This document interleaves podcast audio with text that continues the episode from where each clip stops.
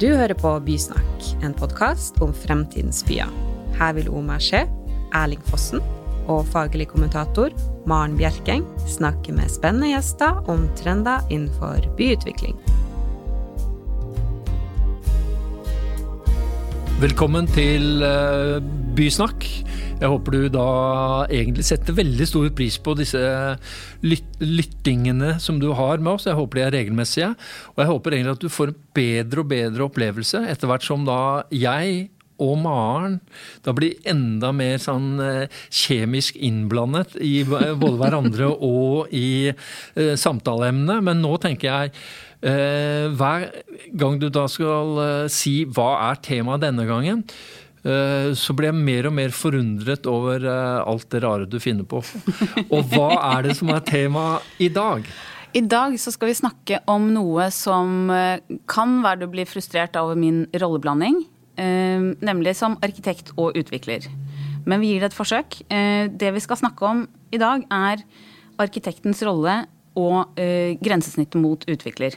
Eh, arkitekten har jo tradisjonelt sett blitt sett på som en rødvinstrikkende kunstner, eller hvitvinstrikkende hvis du spør Thomas T. Sevensen, eh, og en eh, rebell. Eh, mens vi som er arkitekter, vi vet jo også at det er den kreativiteten det er en liten del av det, som selvfølgelig gjennomsyrer alt, men det er også, man må også kunne noe om eller forstå juss, økonomi, eh, byggbarhet. Og det er ganske mange fasetter av det yrket som, eh, som, er viktig å ivareta.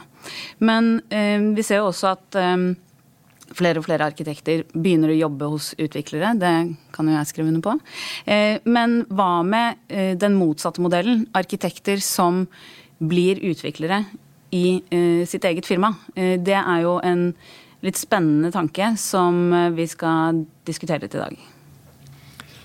Dette hørtes øh, veldig smalt ut, så må vi øh, bruke litt tid på å gjøre det litt breiere, tenker ja, ja. jeg. Men er, er det sånn at hvis arkitekten Jeg er nerden, og du skal gjøre det bredt. Hvis arkitekten øh, blir utviklere, blir det da bedre byutvikling i Oslo og andre byer?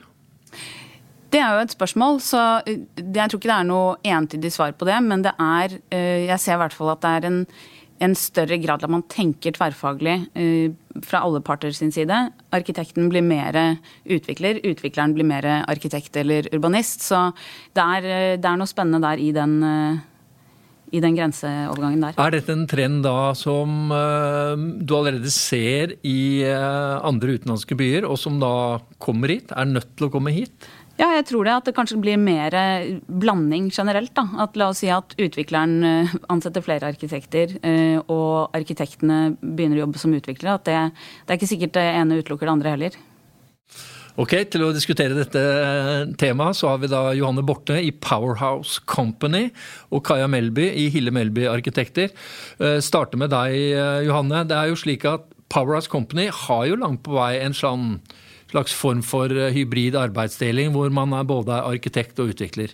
Kan du forklare da hvordan eh, Powerhouse Company er eh, organisert? Det er da Rotterdam-basert. Og du, er du en enslig svale i Oslo-kontoret, eller?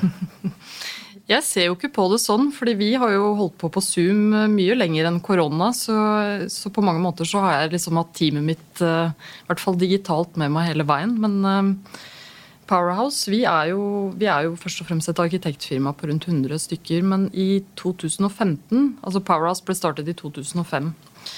Og 2015 så startet vi et eget selskap som heter Red Company. Og det var egentlig i Kall det frustrasjon, da, eller eh, drevet av en lyst å eh, satse på arkitektur gjennom utvikling. At det på en måte ble en veldig sånn viktig faktor. At det ikke bare handler om kvadratmeter eller å oppfylle altså Eh, hva skal jeg si, den økonomiske profittinntjeningen, men å lage og ha kontroll over arkitekturen, rett og slett. Ja, kontroll over kvaliteten? Ja, ja, ja mm. Å satse på kvalitetsarkitektur. Og det Så det er jo ikke bare på langt på vei. Vi har kommet veldig langt på vei. Nå åpnet vi akkurat et eh, fly, vårt flytende kontor i dag, som er også utviklet av oss selv. Og det vi ser, er jo den satsingen viser seg jo også å bli ekstremt profitabel. fordi jeg tror um, egentlig at selskaper og andre altså Man ønsker La oss ta et lokalt eksempel. Jeg tror ikke nødvendigvis når Fredensborg kjøper amerikanske ambassaden, at det er drevet av en sånn investering fordi det er bare profitt. Det handler jo også om god arkitektur og en eller annen merkevarebygning. Så, um, så det er egentlig bakgrunnen for det. Mm. Men det handler jo også litt om uh, at man uh, som arkitekt får den plassen uh, hvis man jobber for en utvikler. Da, at det, er viktig også at man at man har rom for å, å, komme med de gode ideene og utvikle noe av høy kvalitet. Så det vil jo også et, uh, Hvis arkitektene opplever at det er det ikke rom for når man jobber for en utvikler, så må jo utviklerne skjerpe seg også. Men, men da introduserer da også vår Andres, Kaja Melby. Eh, har du ofte følt frustrasjon eh, i møte med utviklerne, eh, og skulle ønske da at du hadde fått siste hånd på verket? Eh, Istedenfor at det er utvikleren som engasjerer arkitekten. De tar risiko. Eh, dermed blir de kjipe på penger. Uh, dere har egentlig de kreative og de beste løsningene, men for da ikke gjennomført dem. De får, dere får da bli bare avspist med en, en sånn timelønn. Eh, ja, det er klart vi kjenner på den frustrasjonen egentlig eh, daglig. Samtidig som det på en måte er en litt sånn takknemlig situasjon, fordi du kan skjule deg bak eh, en begrunnelse hvorfor ting ikke ble så bra som du ønsket. Så har du litt flere å skylde på da, enn bare deg selv. Men det er klart det er en, en stor frustrasjon. Og særlig hvis man ser på hvordan vi arkitekter jobber, og hvor på en måte lidenskapelig motivert vi går inn da, med hud og hår i, i alle prosjekter. Eh, så oppfører vi oss jo som om vi var en del av den store eh, verdikjeden. Altså at eh, Hvis du, hvis du sammenligner med andre rådgivere da, som er involvert i et prosjekt, så vil jeg si mm. at arkitekten er på en måte tar et eierskap og et engasjement som på en måte noen ganger kanskje er enda sterkere enn det mm. det er hos utvikleren. Og det er jo en utrolig takknemlig situasjon for utvikleren. Eh, å ha en sånn eh, person, da, eller noen mennesker involvert, som, som, på en måte har den holdningen. Og da kan man jo si at det er helt ganske spesielt at, eh, at man ikke på noen måte er med på verdistigning, annet enn at du får timebetalt. da. og hvorfor er det sånn? Det er nettopp fordi vi er så glad i yrket vårt, da, og fordi åndsverket på en måte har en egen status eh, som gjør at man kan fristille seg litt fra om man, om man faktisk tjente penger på det eller ikke. Men det går jo på det økonomiske, om du, om du får noe. Eh, og så er det selvfølgelig dette med eh, kunne, Hadde man fått bestemme mer selv, og på en måte sørget for at det ble bedre i alle ledd, det tror jeg selvfølgelig også, men da tror jeg man må ha en, en innfallsvinkel hvor du kanskje har lyst til å drive litt mer innovativt. Mm. At du har lyst til å utforske et eller annet pga. at du er nysgjerrig på noe, eller har lyst til å sette i gang Eh, en eller annen eh, diskusjon da, eh, hvor kanskje ikke motivasjonen er økonomisk i utgangspunktet. Eh, litt sånn som vi har snakket om med disse Lendager Group, da, som, eh, som mm. bestemte seg for at vi vil teste ut gjenbruk. Vi får ingen med på dette, ingen er villig til å investere. Vi gjør det selv. Og så viste det seg å bli en suksess, men de gikk jo ikke inn i det med en Ja, men bare, Kan vi ikke bare holde oss til det temaet, gjenbruk og Lendanger Group? Som var da på Oslo Urban Arena i 2015. Og da vi sier at det var det som starta gjenbrukstrenden. uh, og de hadde jo en voldsom frustrasjon fordi utviklere i Danmark og entreprenører i Danmark, for det er jo også de som står for kjøper kjøpe materialer osv., var så ufattelig treige, så de satte i gang selv. Og det jeg tenker arkitekter fanger opp trender mye raskere enn utviklere. Og da må dere egentlig da bli veldig frustrert og at dere stanger i huet fordi de er, er såpass konservative. Og, og, men da er spørsmålet har du nådd en sånn frustrasjon som gjør at uh, dere da oppretter et eget utviklerselskap à la Powerhouse Company? Eller bare aksepterer du at du skal bli ved din lest? Du har aldri lært noe om økonomi, du tar ikke noe risiko, men du skulle ønske at du har hatt mer å si. Altså, Da kan du skylde deg sjøl. Ja, Men det er jo kanskje flere måter å gjøre det der på, da. Eh, jeg tenker jo at du ikke nødvendigvis må altså Det kommer litt an på om du, om du da sikter til at man skal gå inn og på en måte kjøpe opp og investere i eiendom for å få testet ut uh, ideer du har, uh, eller få til noe bra, eller om, om, du på en måte vil gjøre det på en på en annen måte, fordi Arkitekter har jo mulighet til å sette i gang en del prosjekter uten å på en måte være utvikleren. Men likevel få belyst uh, ulike problemstillinger, lage case studies uh, for å på en måte få interesse rundt et, et, viktig tema. Men, da, men spørsmålet er om du må inn og, og, på en måte kjøpe opp eiendom og investere for å, for å gjøre disse tingene. da. For det tror jeg er litt, litt uh, vanskelig uh, i, uh, i, Norge. Litt sånn som vår, vårt system er. da. Det er så mangel på tomter og rift om tomter. og En haug med utviklere som følger med på hva som skjer til enhver tid. Skal du som arkitekt gå inn og kaste deg over det kjøttbeinet der, da, så er det lett å forsvinne litt grann i, ja, en verden du kanskje ikke hadde ja. tenkt deg. Men jeg tror det er en ting vi, vi glemmer litt her også, er jo det at Eller det blir veldig sort-hvitt. Fordi mm. jeg tror at Eh, det er, og det er jo også, som jeg har sett når jeg går inn som arkitekt på utviklersiden, så er jo det ganske kompleks eh, faglig sammensatt eh, å drive utvikling også. Ja. Og det går jo på investeringer, kalkyler, markedsmessige vurderinger og en del den typen ting som man trenger inn i et utviklingsprosjekt. Sånn at arkitekten har jo sin faglige kompetanse på god romforståelse, god arkitektur, innovasjon,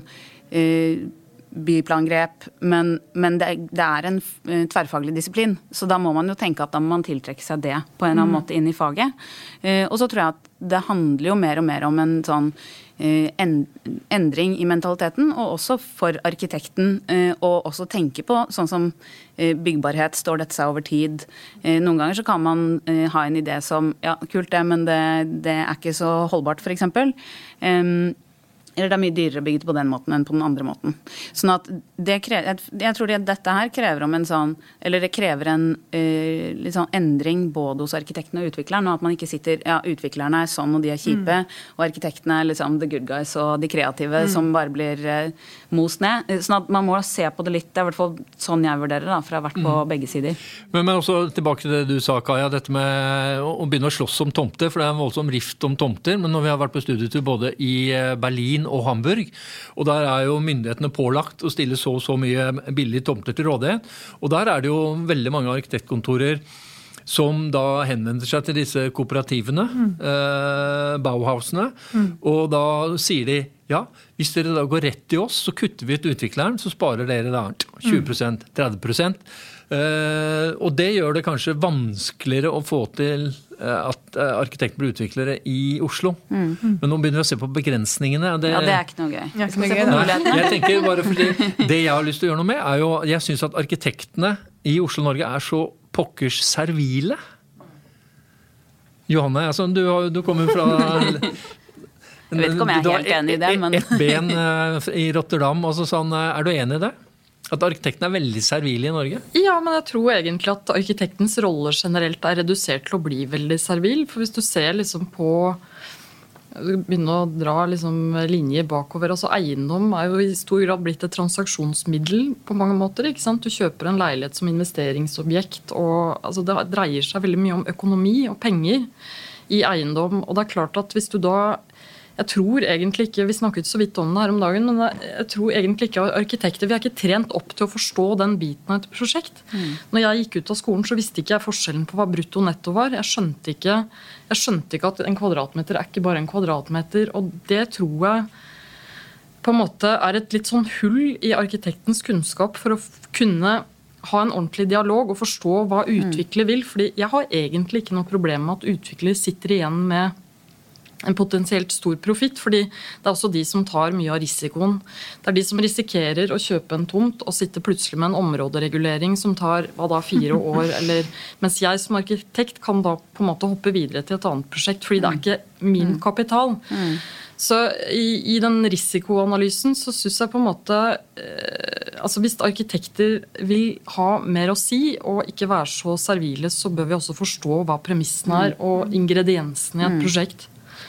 Men er det umulig? Eller er det sånn at noen av uh, Det som er good guys, hvis du husker tilbake fra skoleklassen din, det er de kreative, de ble arkitektene. Og de aller døveste, som hadde sånn kjipe skjorter osv., de ble eiendomsutviklere. Altså, sånn, er, er dere livredde for å miste noe av den kreativiteten? Altså, det må jo kunne være mulig å ha to tanker i hodet på samme gang. Absolutt. Både være kreativ og kunne tenke finansøkonomi. Jeg syns jo det er et sånn litt sånn hull i kunnskapen som sakte, men sikkert begynner å fylles. Da, som gjør at jeg kan ha enda mer kontroll og forstå enda mer av et prosjekt. Så i min verden så blir prosjektet bedre ha forstå de forutsetningene og ha kunnskap om det. Men det er arkitektutdanningens feil, da? At dere ikke lært forskjellen på brutto og netto? Det der er jo også noe man, uh, man lærer når man jobber seg gjennom det. Og så tror jeg at det med uh, å ha en arkitektutdannelse som det kan, Selvfølgelig kan man diskutere det, men jeg tror det har en verdi. altså De tingene jeg holdt på med på Arkitekthøgskolen, det var sånn det negative rommet, det negative rommet, det negative rommet. Jeg skjønte ikke bæret til slutt.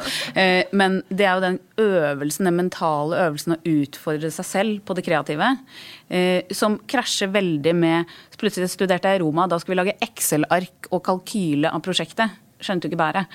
Eh, sånn at eh, det er noe med å bestemme seg litt hva man liksom skal la blomstre. Og så tror jeg det er en sånn eh, noe man lærer, Og så er det mye av dette man lærer seg ved å faktisk sitte og tegne prosjekter og gjennomføre det. Og jeg tror nøkkelen der er å slippe hverandre litt inn på hverandres eh, kompetansefelt. fordi også for utviklere å forstå eh, det arkitektoniske mm, grepet mm. på en god måte. Ikke sant? At man må ha en sånn nysgjerrighet på hverandres kompetanse. da. Men vi sier jo som utviklere bare en sånn liten replikk til det, at en, en, arkitekt kan enten være en forhindring eller en alliert. Mm. Og det er liksom det man opplever litt i de to rollene. Altså hvem som Snakker man samme språk eller ikke? Mm. Absolutt. Men dere kan ikke endre maktforholdet? Altså, og, og da men maktforholdet er jo allerede litt i ferd med å endre seg, tenker jeg. Det er jo det som er så uh, spesielt, på en måte det som har skjedd de siste om det er fem eller ti årene. Hvor uh, ikke bare er det flere og flere arkitekter som går over til de store utviklerfirmaene og på en måte loader inn med verdier, men jeg vil jo si også ganske mange utviklere som ikke har, har noen arkitektutdannelse, er jo, løfter jo opp utrolig viktige, bra problemstillinger og nesten, kan jo nesten komme inn og belære arkitekten om hva som er viktig i forhold til Eh, bærekraft og transformasjon og gjenbruk og møteplasser og, og all, alle disse ingrediensene. Da, som man, mm. eh, eh, det har jo allerede skjedd noe der som gjør at du, at du, som arkitekt ikke trenger å slå inn så mange dører som du måtte, måtte før. og man kan nesten lure litt an på da, ja, da ja, Skal de komme over til oss? eller altså, det, det, er noen sklidende overganger der nå som gjør at, at de problemstillingene tror jeg var veldig mye mer Eh, aktuelle for, eh, for, noen år tilbake da, eh, enn det de er nå.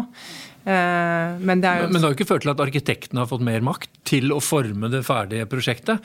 Altså, jeg som urbanist jeg heier jo på dere. For jeg tenker som så at arkitekter hvis de da får all makt, så får du den beste byutviklingen. Du får de beste prosjektene. Stedstilpassa, materialvalg, alt funker. Men så er det ikke slik. Og så nå sitter du og egentlig er litt sånn servil. og ja, Det er noe sånn rolleforsyning, fordeling, og det er mye bedre nå enn før. Nei, jeg, jeg tenker litt, jeg har bare tenkt litt på det der med at hvis, eh, hvis nå eh, Altså, utviklerne har på en måte eh, kommet dit at de også forfekter en god del av det vi tradisjonelt har stått for, da. Um, og det Hva gjør de det? Ja, jeg vil jo si, enten Hvis ikke det bare er skalkeskjul, så vil jeg jo si at det er ganske mange som, eh, som gjør det. Eh, I hvert fall på de i viktige, sentrale områder hvor det, som virkelig skal bli bra. Da. Det, Hvis det ikke var sånn, så hadde ikke jeg gjort det. Jeg har gjort det godt over til utviklersiden. Jo, men eh, Johannes starta jo den samtalen med å si da at arkitektur er blitt da ren transaksjon. Altså at kvaliteten er blitt borte. Og nå sier du det motsatte. Begge kan ikke ha rett. Jo, men det er jo nå kanskje litt eh, to sider av samme sak. For det, eh, det kommer det selvfølgelig litt an på. Det er ikke sort-hvitt. Men, men, man kan jo lure på hva er det Uh, hva er det utviklerne kan som ikke vi kan? Du var jo litt inne på det i sted, Maren, at det, er, det har jeg ofte lurt på. Hva er det Vi treffer jo dem Eh, når vi diskuterer de tingene som angår oss, så føler vi at vi egentlig kan hele kjeden. Eh, fordi vi, sitter, vi også regner på BRAS og eh, alt mulig rart som skal gå opp, og sitter med alle disse programmene våre. Men det er klart, hva er det som foregår på kammerset? Som vi faktisk da ikke det det Kanskje vi undervurderer, da. Og derfor kunne det jo vært veldig interessant å få en utvikler over på vår mm. side også, da, for å få en sånn inhouse og så mm. se deres verden. Maren, er det slik, eh, har du lyst til å, begynne i Hille Melby Arkitekter? Nei, jeg har det fint der jeg er akkurat nå, takk. Du kan få lov å være med på jobb en dag. Ja. Vi kan ha som bli med utvikleren på jobb. Men, men dere har jo da valgt uh, arkitekten som blir utvikler, og du er arkitekten som blir ved din lest. Jeg føler at Johanne egentlig har valgt Hun er hybriden. Hybriden, ja. Som er det riktige som kommer. Som er liksom den store vinden fra utlandet. Og så ja. sitter dere og egentlig ikke skjønner det. Jo, jeg syns det er spennende. Ja, men det. det. medfører ikke noe endring. Du er egentlig sjeleglad for at du forlot arkitektene, for da hadde du bare masse ideer og fikk aldri gjennomført noe. Eh, så det må jo være altså, sånn Innevarsler da Powerhouse Company en ny tid, hvor da de, vi er enige om arkitektrollen, utviklerrollen er i bevegelse? Men jeg mener at Det er ikke sånn at det bare er plass til det ene eller det andre. Men nettopp flere som gjør det som eh, Powerhouse Company har gjort, det gjør jo også at utviklerne må eh, kanskje skjerpe seg og tenke annerledes. ikke sant? At man får den der litt sånn glidende over, overgangen og forskjellig eh, type kompetanse. Det tror jeg ikke gjør noe. Men alt som kan bidra til at eh, at alle skjerper seg når det gjelder arkitektur og byutvikling. Det er jo dritbra. Jeg tror på en måte at Du skal ikke se bort fra at han Lennanger tjener ganske grovt på de der rekkehusene sine til slutt. For jeg tror etter hvert, altså La oss si at du går fra sånn rent transaksjonsmiddel. Jeg tror det er flere og flere som innser at god arkitektur også kan gi avkastning. Mm, altså det, absolutt. Hvis du ser på det helt fra sånn profitabelt point of view. Men om Oslo er liksom eh, du vet Det er jo forskjell på byer òg. For i Rotterdam så har byen også en større vilje til å være med på den risikoen. Vårt første utviklingsprosjekt da tok kommunen også en del av den risikoen som gjør at du ikke trenger å bekymre deg. Sitter vi nå med en 70-talls eh, kontorbygning i x antall år uten å ikke sant, få gjort noe med det? Og jeg ser jo kollegaene mine i Rotterdam, de har eh, vi, vi, var faktisk inne på tanken på å kjøpe den amerikanske ambassaden, og så sier de i Rotterdam ja, men herregud, vi bare bygger et tårn på toppen der. og så tenkte jeg dere har ikke anelse om hva, hva vi eh, holder på med her borte. Altså, så, så, og, ja, Det er noe med den forutsigbarheten i prosessen. Ja, og risikoviljen. som jeg tror, Det handler ikke bare om arkitekt og utvikler, det handler også om byen man mm. jobber i, og den risikoviljen. Mm kommunen kunne tenke seg å være med på. Mm. Det er interessant, for Nå har vi da identifisert eh, mangler, store mangler av arkitektutdanningen. Og nå er det store mangler i det, en risikoavers kommune. Eh, er det andre ting vi kan tenke på? Fordi eh, vi kan ikke gå fra hverandre uten at vi har kommet et skritt videre som gjør da at alle arkitektene nå bare er lei av å bli hunsa av utviklere som ikke aner egentlig hva god kvalitet er, og tar skrittet ut. Ja, jeg kan jo ikke være enig, Som arkitekt og utvikler så kan jeg ikke være enig i at utviklerne ikke aner hva god kvalitet er. Det premisset er jeg jo ikke med på. Den får vi ta etterpå. Kan vi snu på det? At uh, arkitektene er flinkere til å bedømme arkitektons kvalitet enn utviklere? Ja, men det, igjen så kommer det an på uh, Du kommer alltid i forsvarsposisjon, du nå. Ja, det, det, er fordi du hele tiden stiller meg sånne spørsmål. Uh, poenget er jo det der at uh, jeg, jeg, tror det er interessant å jobbe med modeller som uh, gjør en, en, en, tettere samhandling tverrfaglig. Om det betyr at uh, arkitekten uh, blir utvikler og da får den kompetansen som, som, man da som arkitekt naturlig ikke har, ved å, om det er økonomi, markedsmessige spørsmål, den typen vurderinger som må inn. eller om man får til en, en bedre samhandling. Og det er også ting vi har jobbet med. Vi snakket om eh, hvordan utviklerne bestiller arkitektene. Skal man alltid kjøre disse parallelloppdragene som eh, i realiteten er konkurranser? Skal man ha mer samspill tidlig? Hvordan gjør man det? Det er masse å ta tak i der. Mm. Men uh, vi må gå inn uh, for avrunding, men bare uh, spørre dere da, et, et åpent spørsmål. Hvis vi er enige om at det er som regel arkitekten som har løsningen, altså hvordan går man fram for å sørge for at dere får lov til å bestemme det endelige resultatet i størst mulig grad? Gode samarbeidspartnere eller gode oppdragsgivere er vår løsning foreløpig. Men da er de litt ute av deres hender? Det er bare om de bestemmer seg for at de syns dere er ok? Jeg opplever det ikke sånn, altså. Men eh, det er klart eh, hvis, det, hvis de skulle slå seg helt vrang, så har jo ikke vi eh, Altså noe vi skulle ha sagt, men, men, eh, så langt så har det vært vår strategi her å velge de oppdragsgiverne vi har noe til felles med, sånn at vi kan samarbeide om, om ting. Det har fungert så langt. Men da er sjekkspørsmålet, Har dere sagt nei til noen oppdrag òg? Fordi eh, oppdragsgiver åpenbart var helt på jordet? Vi er ikke i den posisjonen helt ennå, men uh, vi, så langt så er det jo har vi som må spørre. I Rotterdam har vi gjort det. Ja. Men Kaja, vil du også si det som arkitektene? Sånn bedre samarbeid og do-do-do-do-do? Altså, er det det som er løsningen? Um, Altså, jeg kan få si at Vi også sier nei til prosjekter vi skjønner er ute av eh, på måte, eh, er på feil kurs. Eh, og tenker at dette vil vi ikke være med på. At det er utrolig viktig da å ha de gode samarbeidspartnerne. Og da, at du da kan få til veldig mye bra. Men om det finnes om det finnes måter å på en måte virkelig komme inn og påvirke. For det er jo det eh, arkitekter gjerne vil. da, Ved å da eh, gå inn som utvikler. Eh, da tror jeg vi må liksom finne fram til hva som er den norske modellen. da. Eh, for det fungerer åpenbart ikke sånn her som det gjør i Rotterdam. Eh, så da, vi må på en måte finne måter å komme inn eh, som gir oss bedre, mer eierskap og påvirkningskraft. Men jeg tror det er mye å gå på for arkitektbransjen i å bare stå litt mer på kraven og si at nei, dette, mm, dette er ikke en god løsning, eller dette er vi ikke med på. Og jeg har opplevd det selv som arkitekt. og Man kommer med helt tydelige råd om det er potensialet på en tomt. Man sier at nei, det, går, det kommer ikke til å skje. Mm. Eller disse løsningene blir ikke gode. Så opplever jeg at det er ganske mye rom for å bli hørt på det. Man må bare tørre å gjøre det. Og blir man ikke hørt, så er det like greit. Ja. Og det skjer jo ja. det òg. Ja. Men siste spørsmål. Hvor, Hille Melby, hvor er dere om fem år? I forhold til eh, eiendomsutvikling? Ja, Hille Melby Eiendom AS.